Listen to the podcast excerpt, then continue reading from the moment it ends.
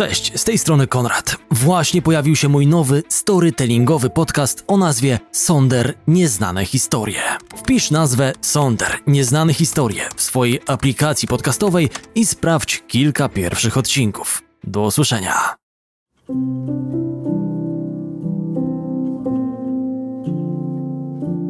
Zawsze będzie mnie frustrowało, że nie zagrał dla nas więcej meczów, bo kiedy grał, wszystko na boisku wydawało się prostsze. Rzekł niegdyś Arsen Wenger o dzisiejszym bohaterze podcastu. Jeden z najsłynniejszych czeskich zawodników ostatnich lat. Ze względu na styl gry i budowę ciała we własnym kraju bardzo często nazwany małym Mozartem. Nic dziwnego, że został piłkarzem. Szlaki przetarli najpierw jego ojciec i starszy brat – na boisku prezentował swobodny styl, a futbolówkę prowadził z wrodzoną elegancją. Nigdy nie starał się zdobyć bramki za wszelką cenę. Równie istotne były dla niego kluczowe podania, dzięki którym to zespół strzelał gole i wygrywał kolejne mecze. Bardzo szybko rozpoczął profesjonalną karierę. Gdyby nie kontuzje, które trapiły go w kolejnych latach, z pewnością jego dorobek byłby bardziej okazały. Klasy bowiem nie odmawiał mu nikt.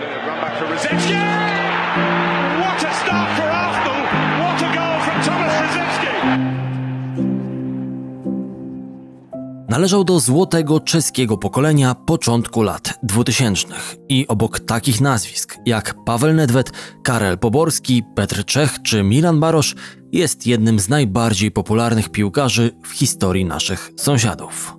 Do dziś wielu kibiców nie potrafi zrozumieć, dlaczego to Grecy, a nie on i jego koledzy cieszyli się z triumfu na Mistrzostwach Europy w 2004 roku. Poznajcie bliżej Tomasa Rosickiego.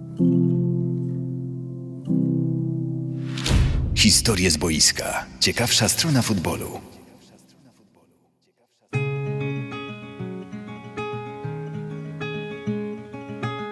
Nasz dzisiejszy bohater przyszedł na świat w październiku 1980 roku w czeskiej Pradze.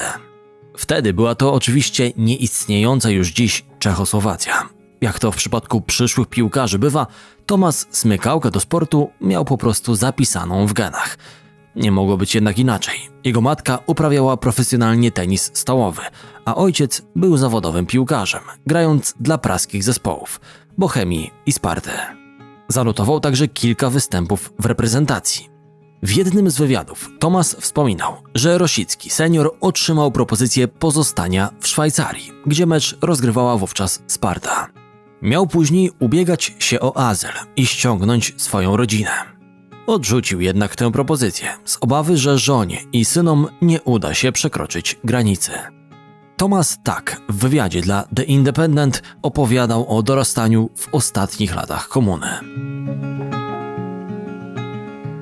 W tamtych czasach, jeśli chciałeś kupić owoce, musiałeś stać w bardzo długiej kolejce. Czasami udało się dostać jabłko, innym razem banana. Rzeczy, które dziś dostajesz od ręki. Mama bardzo się starała, żebyśmy dostawali witaminy. Jednak nie zawsze to było możliwe. Cokolwiek dostali nasi rodzice, oddawali nam.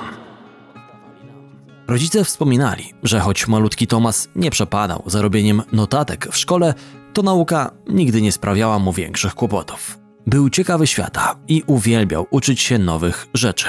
Nie sprawiał też żadnych problemów wychowawczych. Jedyną, wiecznie powtarzającą się kością niezgody była kwestia sprzątania pokoju. Przyszły piłkarz BVB i Arsenalu dzielił go ze swoim starszym bratem, więc o bałagan nie było trudno. Jak wspomina mama chłopców, dopiero groźba zakazu gry w najbliższym meczu skutkowała natychmiastowym porządkiem. Tomas, choć w dzieciństwie z powodzeniem uprawiał różne dyscypliny sportu, od zawsze chciał pójść w ślady ojca i zostać piłkarzem. Podobnie jak jego 3 lata starszy brat, który zaczynał w młodzieżowych drużynach Sparty. Następnie grając w takich klubach jak Atletico Madryt B czy austriacki SC Bregenz. Jak pokazało życie, z całej trójki Rosickich to najmłodszy Tomas zrobił największą karierę. Od początku zdradzał nieprzeciętny talent, co nie uszło uwadze trenerom młodzieży. Zaczął występować w reprezentacji juniorów U15, następnie przechodząc przez kolejne kategorie wiekowe. Później wszystko potoczyło się bardzo szybko. Wychowanek CKD Kompresory Praga został przechwycony przez Spartę, by stać się profesjonalnym zawodnikiem. Nie uzyskał jeszcze pełnoletności, gdy został włączony do pierwszego składu. W sezonie 98-99, pierwszym z trzech rozegranych przez niego na boiskach czeskiej ekstraklasy, wystąpił w trzech spotkaniach. Dołożył tym samym niewielką cegiełkę do pierwszego triumfu w karierze. Sparta zdobyła bowiem mistrzostwo kraju. W drugim sezonie wraz z kolegami z drużyny powtórzył ten wyczyn. Jego pozycja w zespole i wkład w końcowy sukces były już jednak o wiele większe. Thomas strzelił nie tylko 5 goli w lidze, ale i zanotował dwa trafienia w wymarzonych rozgrywkach Ligi Mistrzów. Nie dziwi więc, że we własnym kraju określano go mianem talentu roku. Wszystko to sprawiło, że bardzo szybko otrzymał szansę gry w pierwszej reprezentacji. Młody pomocnik udowodnił, że doskonale radzi sobie na poziomie seniorskim. W dodatku znano zakres jego możliwości po latach gry dla reprezentacji juniorskich. Pierwsze powołania przyszły jeszcze w roku 99, a debiutancki mecz w barwach czeskiej drużyny narodowej rozegrał 23 lutego 2000 roku przeciwko Irlandii. Rosicki nie miał wielkiego wpływu na przebieg spotkania. Zanotował jedynie 7 minut.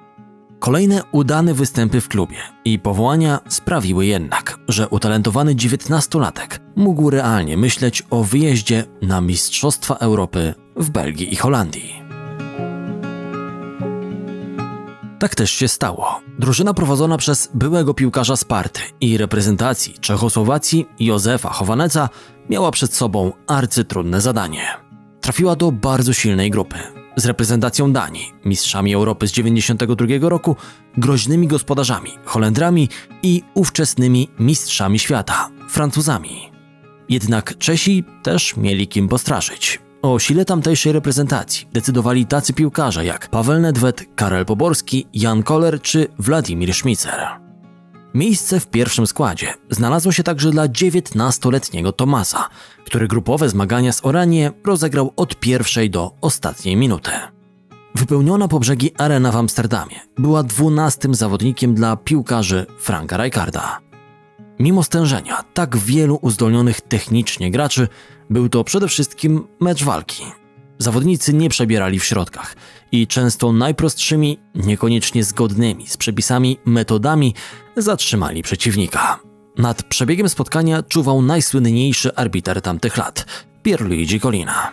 Włoch często musiał uspokajać rozemocjonowanych zawodników. Pokazał w tamtym meczu pięć żółtych i jedną czerwoną kartkę. Jedyną bramkę na wagę trzech punktów zdobył tuż przed ostatnim gwizdkiem Frank de Boer z rzutu karnego.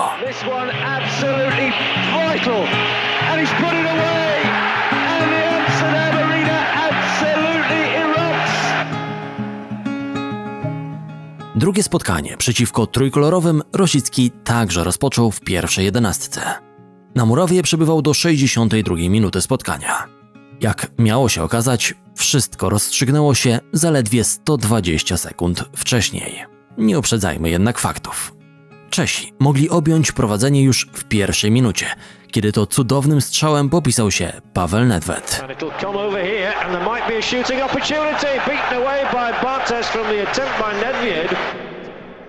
Fabien Bartes w nieprawdopodobny sposób wyjął tę piłkę. Nie był to jedyny raz, gdy uchronił drużynę w tamtym spotkaniu. Obie reprezentacje szaleńczo atakowały od samego początku, ale to Francuzi mieli więcej szczęścia. Jeden z czeskich defensorów chciał wycofać futbolówkę do własnego bramkarza. Zrobił to jednak na tyle nieudolnie, że ta wpadła wprost pod nogi Thierry'ego Auriego.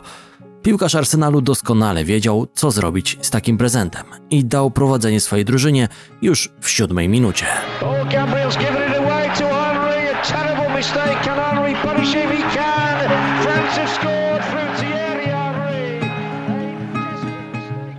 Piłkarze Chowaneca wyrównali jeszcze przed przerwą, po golu z rzutu karnego. Jedenastkę wykorzystał Poborski. Niestety, w 60 minucie mistrzowie świata dobili rywali. Niepilnowany przez nikogo Dżerkaew znalazł się w odpowiednim miejscu i czasie, zdobywając bramkę na 2 do 1. The Czechs are going home, I'm afraid. They've played two matches and they've lost two. They've scored only one goal and conceded three.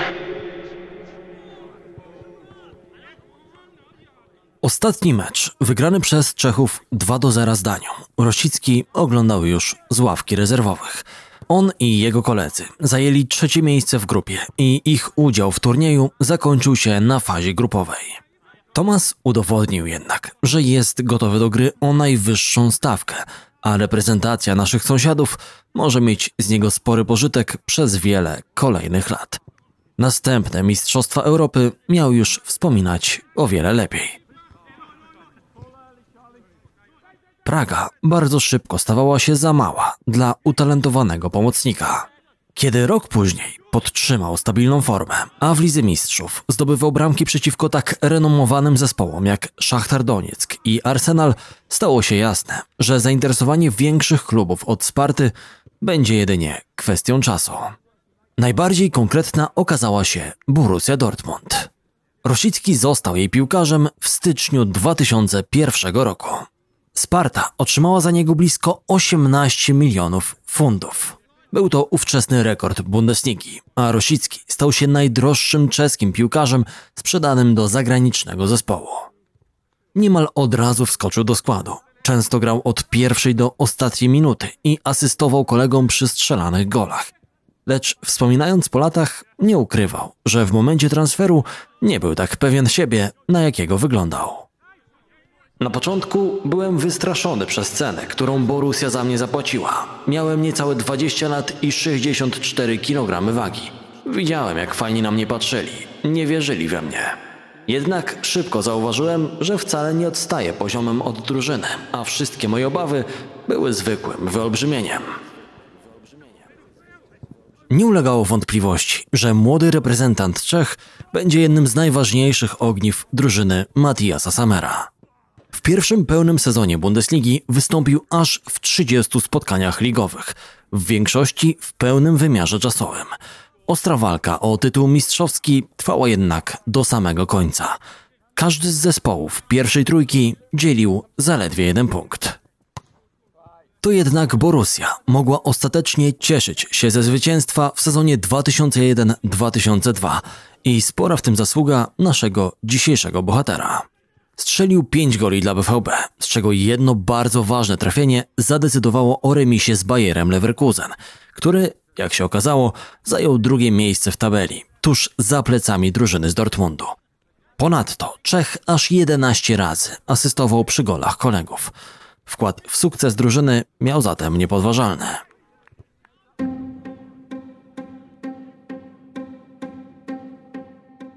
Mało brakowało, a sezon ten zakończyłby się dla Borussii także z europejskim trofeum.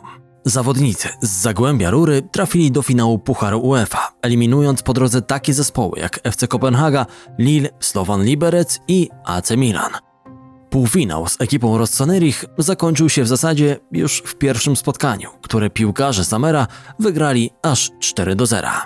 Niezwykłą skutecznością popisał się wówczas Marcio Amoroso, który aż trzykrotnie pokonał Cristiana Abiattiego. Rosa także dołożył swoją cegiełkę w tym spotkaniu, notując asystę.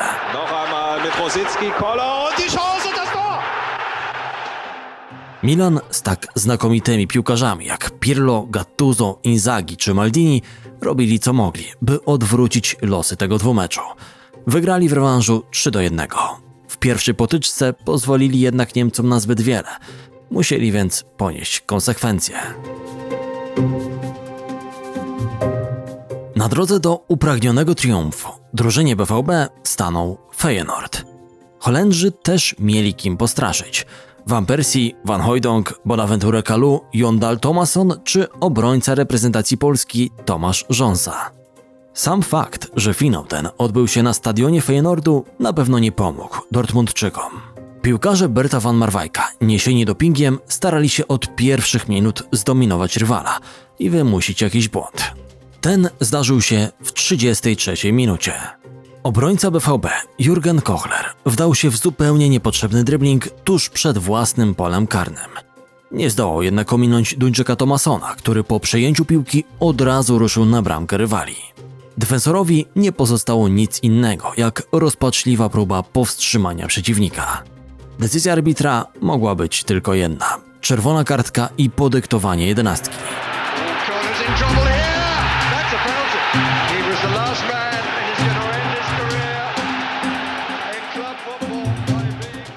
Mimo, że Jens Lehmann wyczuł intencje napastnika, nie był w stanie wyciągnąć tej piłki. Podobnie było 7 minut później, gdy Van Hooijdonk rewelacyjnie przymierzył z rzutu wolnego. Bramkarz nie miał nic do powiedzenia, a sytuacja Borussii jeszcze przed końcem pierwszej połowy stała się więcej niż kłopotliwa. Niemcy nie chcieli jednak poddać się bez walki. Tuż po rozpoczęciu drugiej odsłony rzut karny na bramkę zamienił Marcio Morozo. Thomas i spółka nie cieszyli się jednak z gola kontaktowego zbyt długo. Zaledwie 3 minuty później Feyenoord zdołał odpowiedzieć kolejnym trafieniem. Thomason, pozostawiony bez opieki, potężnym wolejem pokonał bezradnego Lemana. O ile wolej Duńczyka był ładny, o tyle ten autorstwa Jana Kolera wręcz cudowny.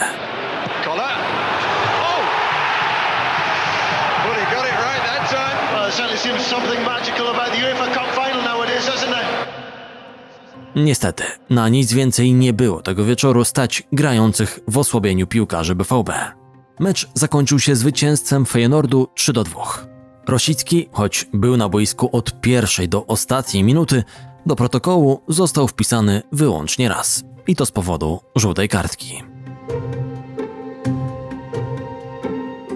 Przez lata spędzone w Dortmundzie pomocnik z Pragi wypracował swoją markę i stał się bezapelacyjnie jedną z największych gwiazd czeskiej reprezentacji. Dwa lata z rzędu wygrywał w plebiscycie na czeskiego piłkarza roku. Warto pamiętać, że nie był to byle wyczyn.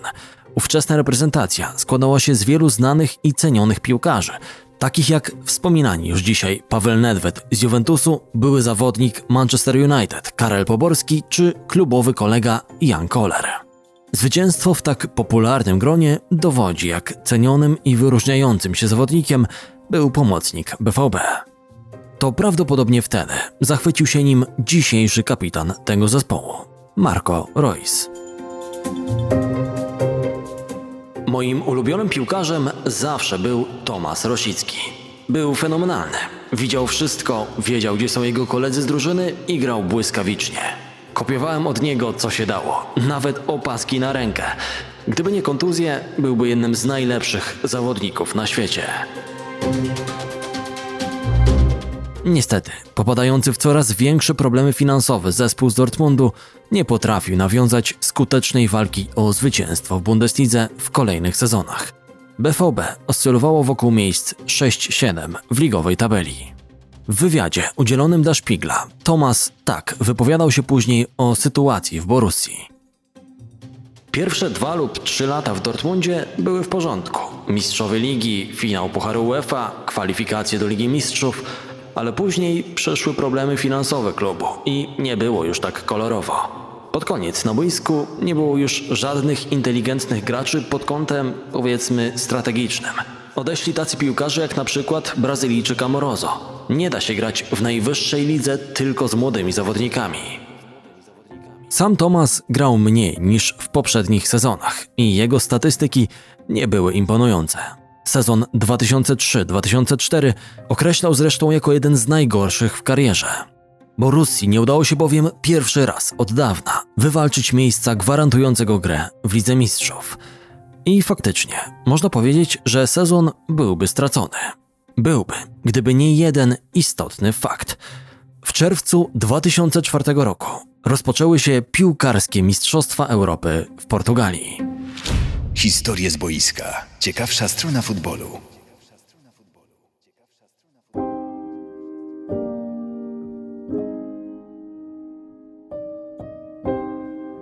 Po nieudanych barażach z Bułgarią, co skutkowało brakiem awansu na mundial w Korei i Japonii, Tomas i jego koledzy byli zmotywowani, by dobrze zaprezentować się na kolejnym wielkim turnieju. Podobnie jak 4 lata wcześniej i tym razem trafili do niełatwej grupy. Los ponownie skrzyżował naszych sąsiadów z Holendrami, a także Niemcami i Łotwą. Tomasz Rosicki od samego początku był jednym z najważniejszych filarów drużyny prowadzonej przez Karela Brucknera. Pierwsze spotkanie nie zapowiadało jednak fajerwerków. Czesi wygrali 2 do 1 z najniżej notowanymi w grupie Łotyszami, choć przegrywali niemalże przez cały mecz. Dwoili się i troili, by wyrównać. Udało im się dopiero w 73 minucie, kiedy po niepewnym wybiciu bramkarza rywali futbolówka trafiła wprost pod nogi Milana Barosza. Napastnik Liverpoolu doskonale wiedział, co z nią zrobić. Było to tym samym pierwsze z pięciu trafień Barosza na tym turnieju, które zapewniły mu ostatecznie koronę króla strzelców Euro.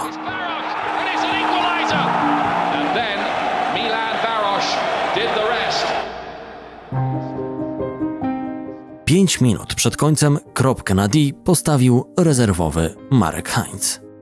Karel Bruckner rozpływał się nad Rosickim. Twierdził, że jest jego najważniejszym zawodnikiem. Słynący ze skromności Rosa wolał skupiać się jednak na boiskowych zadaniach i komplementowaniu kolegów. Tak na przykład odpowiedział niemieckiemu szpiglowi. Moim zdaniem Nedved jest gwiazdą. Ma większy autorytet niż ja. Ja jestem dość powściągliwy. Zawsze powtarzałem. Zostaw rozmowę innym, a mi pozwól się pobawić. A że potrafi doskonale panować nad piłką, udowadniał na tym turnieju z każdym kolejnym meczem. W drugim spotkaniu, które Thomas również rozegrał w pełnym wymiarze czasowym, czekała reprezentacja Holandii. Już same nazwiska robiły wielkie wrażenie. Po jednej stronie zawodnicy o ranie z Van Nistelrooyem, Robbenem, Dawidsem czy Seydorfem.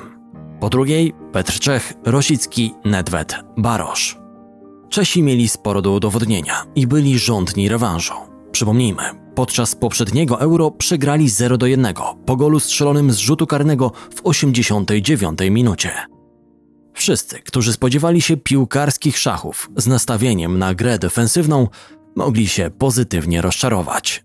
Byli świadkami otwartego, przepięknego widowiska, podczas którego raz za razem atakowała jedna lub druga strona.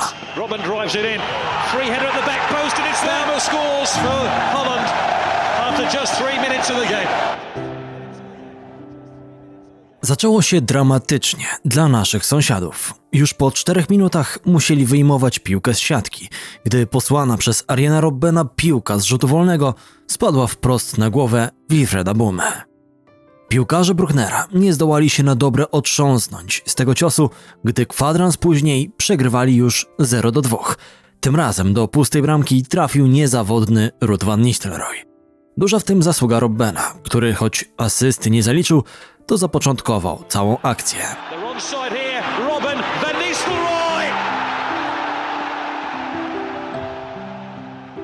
Czesi zdołali jednak nawiązać walkę jeszcze przed przerwą.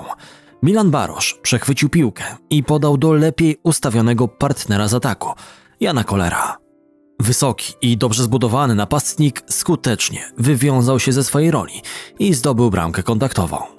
Jak możemy przeczytać w relacji Michała Pola dla Sport.pl z tamtego spotkania, Barosz przyznał, że strzelenie gola kontaktowego jeszcze w pierwszej odsłonie było kluczowe dla całego spotkania. Gdyby ten gol nie padł przed przerwą, byłoby z nami krucho, wyznał zawodnik Derec. Selekcjoner czeskiej reprezentacji nie zamierzał bezczynnie obserwować, czy jego piłkarze będą w stanie wyrównać. Zaledwie dwie minuty później, w 25 minucie meczu, postanowił dokonać pierwszej zmiany. Za obrońcę Zdenka Grygera na murawie zameldował się ofensywnie usposobiony Wladimir Schmizer. Jak miało się okazać, było to świetne posunięcie. Holendrzy starali się utrzymać wynik, podczas gdy Czesi robili wszystko, by doprowadzić do wyrównania. Piłkarzom Brucknera udało się strzelić 20 minut przed ostatnim gwizdkiem. Kolejny raz dał o sobie znać napastnik Liverpoolu Milan Barosz, przepięknym strzałem pod poprzeczkę, doprowadzając do wyrównania stanu rywalizacji.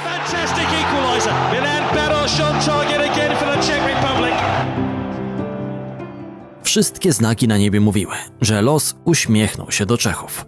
Najpierw drugą żółtą kartkę, a w konsekwencji czerwoną otrzymał John Heitinga a tuż przed zakończeniem meczu na 3 do 2 bramkę zdobył rezerwowy Szmicer.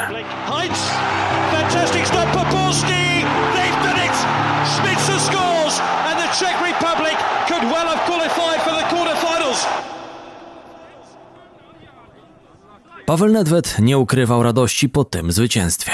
Jednocześnie zdawał sobie sprawę, że przed nimi jest jeszcze trochę pracy do wykonania. Tak, po meczu z Holandią przedstawiał dziennikarzom swoje przemyślenia.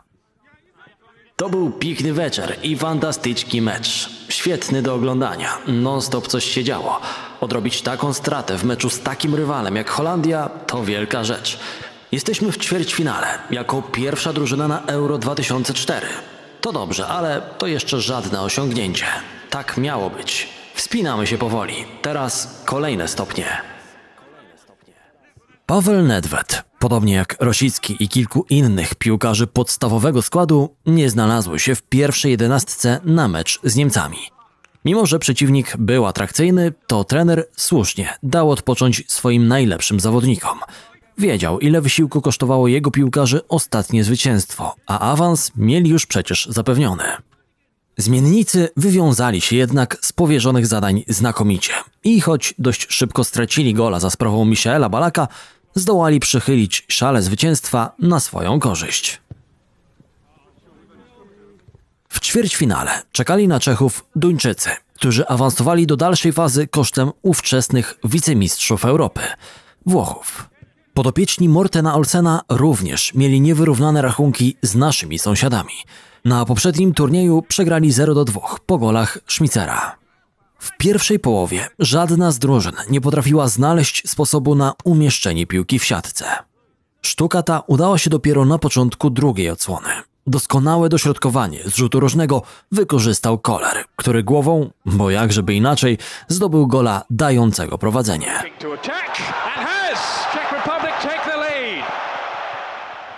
Pół godziny przed końcem przeciwników dobił Milan Barosz, który dwukrotnie umieścił futbolówkę w bramce.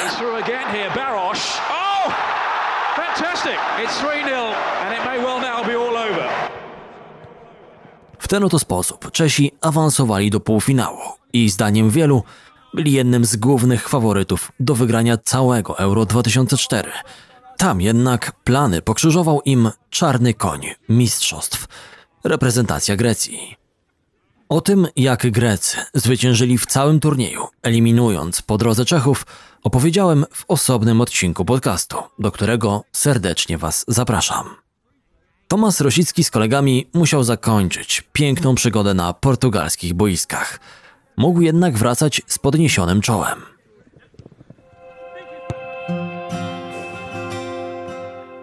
Po zakończeniu kariery reprezentacyjnej przez Pawła Nedveda, to Rosa przejął opaskę kapitana.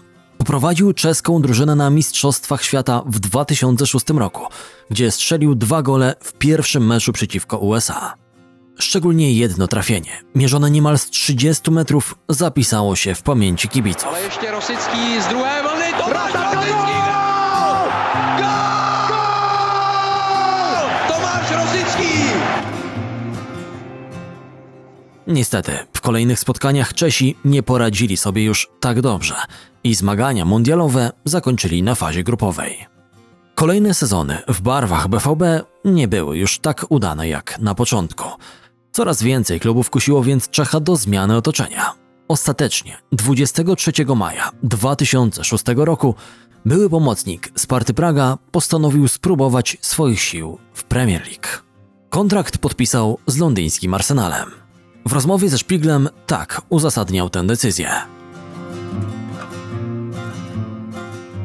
Arsenal zawsze był moim ulubionym klubem. Kiedy w zeszłym roku przeprowadził się tam Aleksandr Chlieb, byłem naprawdę zazdrosny. Wiem, że będę musiał się wykazać, ale to jest powód, dla którego chciałem tam przejść. Chcę się poprawić. Chcę konkurencji. Podoba mi się ich styl. Szybki i bezpośredni. Obok Barcelony Arsenal gra najpiękniejszą piłkę w Europie. Oficjalny debiut w barwach kanonierów przypadł na pewnie wygrane spotkanie eliminacji Ligi Mistrzów z Dynamem Zagrzeb. Londyńczycy zwyciężyli 3 do 0. Czech wykorzystał doświadczenie zdobyte w Bundeslidze i właśnie w meczu Champions League strzelił swojego pierwszego gola dla nowego zespołu. Było to w spotkaniu fazy grupowej z HSV Hamburg, wygranym przez Arsenal 2 do 1.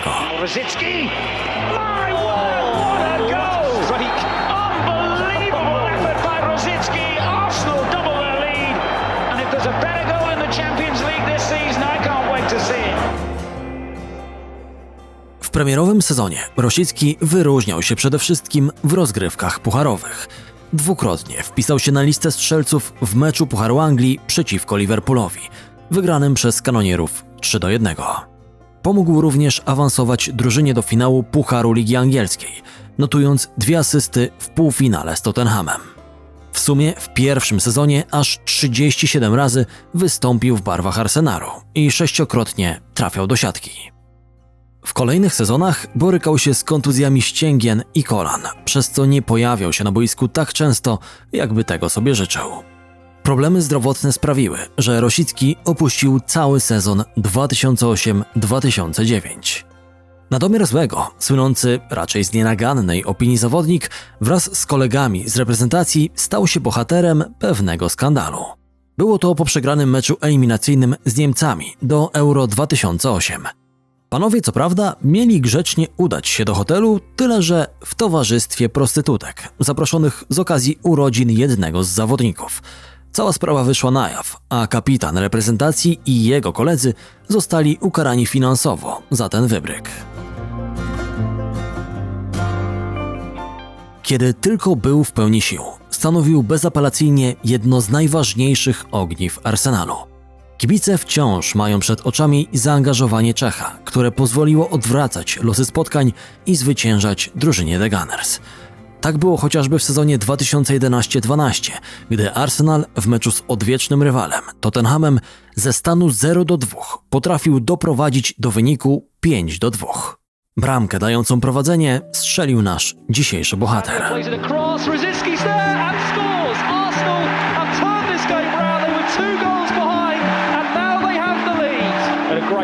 You've got to give him great credit for that. Na upragnione trofeum na angielskich boiskach przyszło mu czekać dość długo, bo do sezonu 2013-14. Wtedy to The Gunners sięgnęli po Puchar Anglii, pokonując w finale Hull City 3 do 2. Kanonierzy powtórzyli ten sukces także rok później. W sumie nasz bohater w Arsenalu spędził aż 10 lat. Był najdroższym transferem Arsenalu w 2006 roku i kiedy tylko pojawiał się na murawie, dostarczał kibicom wiele powodów do radości. Jednak przez cały ten okres, ponad 1300 dni, spędził w gabinetach lekarskich, lecząc kolejne kontuzje. Nie był więc w stanie brać odpowiedzialności za wyniki przez cały sezon z powodu powtarzających się urazów. Arsene Wenger tak opowiadał o czeskim zawodniku na łamach The Guardian. Kiedy do nas przybył, nie przejmował się zbytnio taktyką. Był bardziej Mozartem z Pragi, piłkarzem czysto kreatywnym. Jednym z tych zawodników, którzy dążyli do przyspieszania gry. Sprawiał, że coś się dzieje właśnie nie poprzez dryblingi, a gwałtowne zrywy. To idealny piłkarz dla Arsenalu, a dla mnie zaszczyt, że mogłem go prowadzić. A jak widzieli go koledzy z boiska, wspomina aktualny szkoleniowiec The Gunners, Mikel Arteta.